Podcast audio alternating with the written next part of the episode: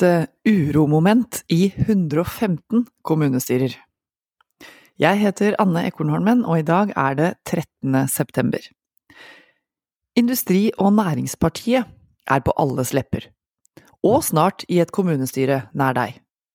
Blir det mest politikk eller protest fra årets valgkomet? Fra partikonstituering på Rjukan i 2020 til årets valgsnakkis tre år etter. Det er et grundig gjennombrudd i rikspolitikken for Industri- og Næringspartiet. Med 3% oppslutning på landsbasis må de ferske politikerne gni seg i øya og klype seg i armen. Herre min hatt, såpass! sier partileder Ove Ingemann Waltersjø, det er bare å lære seg navnet, til Nasjonen når han får høre at partiet kan ta plass i 115 kommunestyrer. Snakk om uttelling! Men hva vil INP? I forkant av valget satte de sammen programmet sitt etter innspill på partiets Facebook-side. Den noe ukonvensjonelle formen står i stil med et av partiets hovedbudskap. De er ikke politikere. Gutta og jentene på gulvet presenterer seg med en god porsjon stolthet som folk med arbeidserfaring fra det virkelige livet. De har beina på jorda, vanlige jobber, og har ikke tilbrakt karriera i politikken, sjøl om noen tidligere har sittet i kommunestyrer eller stått på lister for andre partier.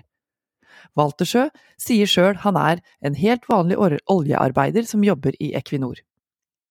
Nå er han også partileder for en gjeng som går i forhandlinger, skal tilpasse seg politiske systemer, sakspapirer, koalisjoner og allianser i en lang rekke kommunestyrer.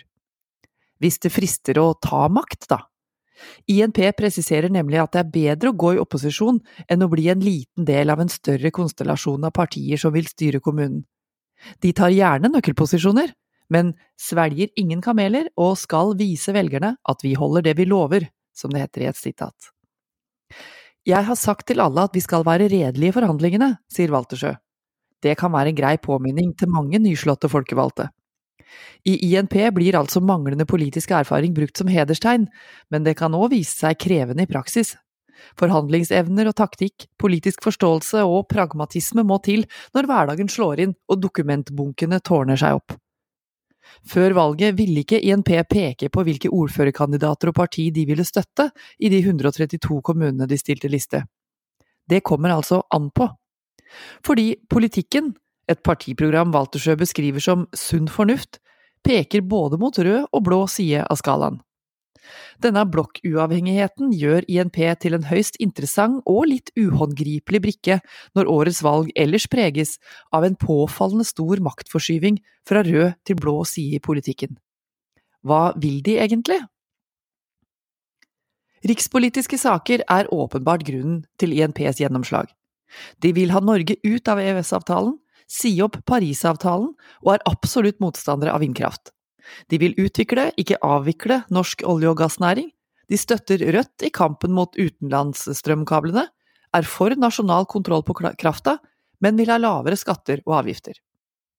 Med mål om å desentralisere framfor å sentralisere, er det flere grunner til at INP har henta stemmer fra en del misfornøyde SP-velgere. Påfallende lokalt vinkla kommunepolitikk, det har de derimot ikke. Det har de ikke hatt tid til å utforme. Allikevel så ligger INP an til å få ordføreren i Vega med overveldende 28,8 Smått uvirkelig, som Waltersjø sier. De er nest største parti i Vinje i Telemark, får 19% og er størst i Vannhylven på Sunnmøre, og gjør det svært godt i industrikommuner som Kvinnherad, Høyanger og Ullensvang. I Waltersjøs hjemkommune Porsgrunn fikk INP 10,9% Kan det vare? Fenomener som Industri- og Næringspartiet avfeies gjerne som døgnfluer. I 2019 samla Folkeaksjonen Nei til mer bompenger proteststemmene.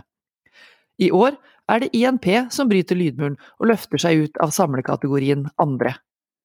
Oppslutningen bygger på velgere som opplever å ikke bli hørt, tillitssvikt fra andre partier, uro og frustrasjon.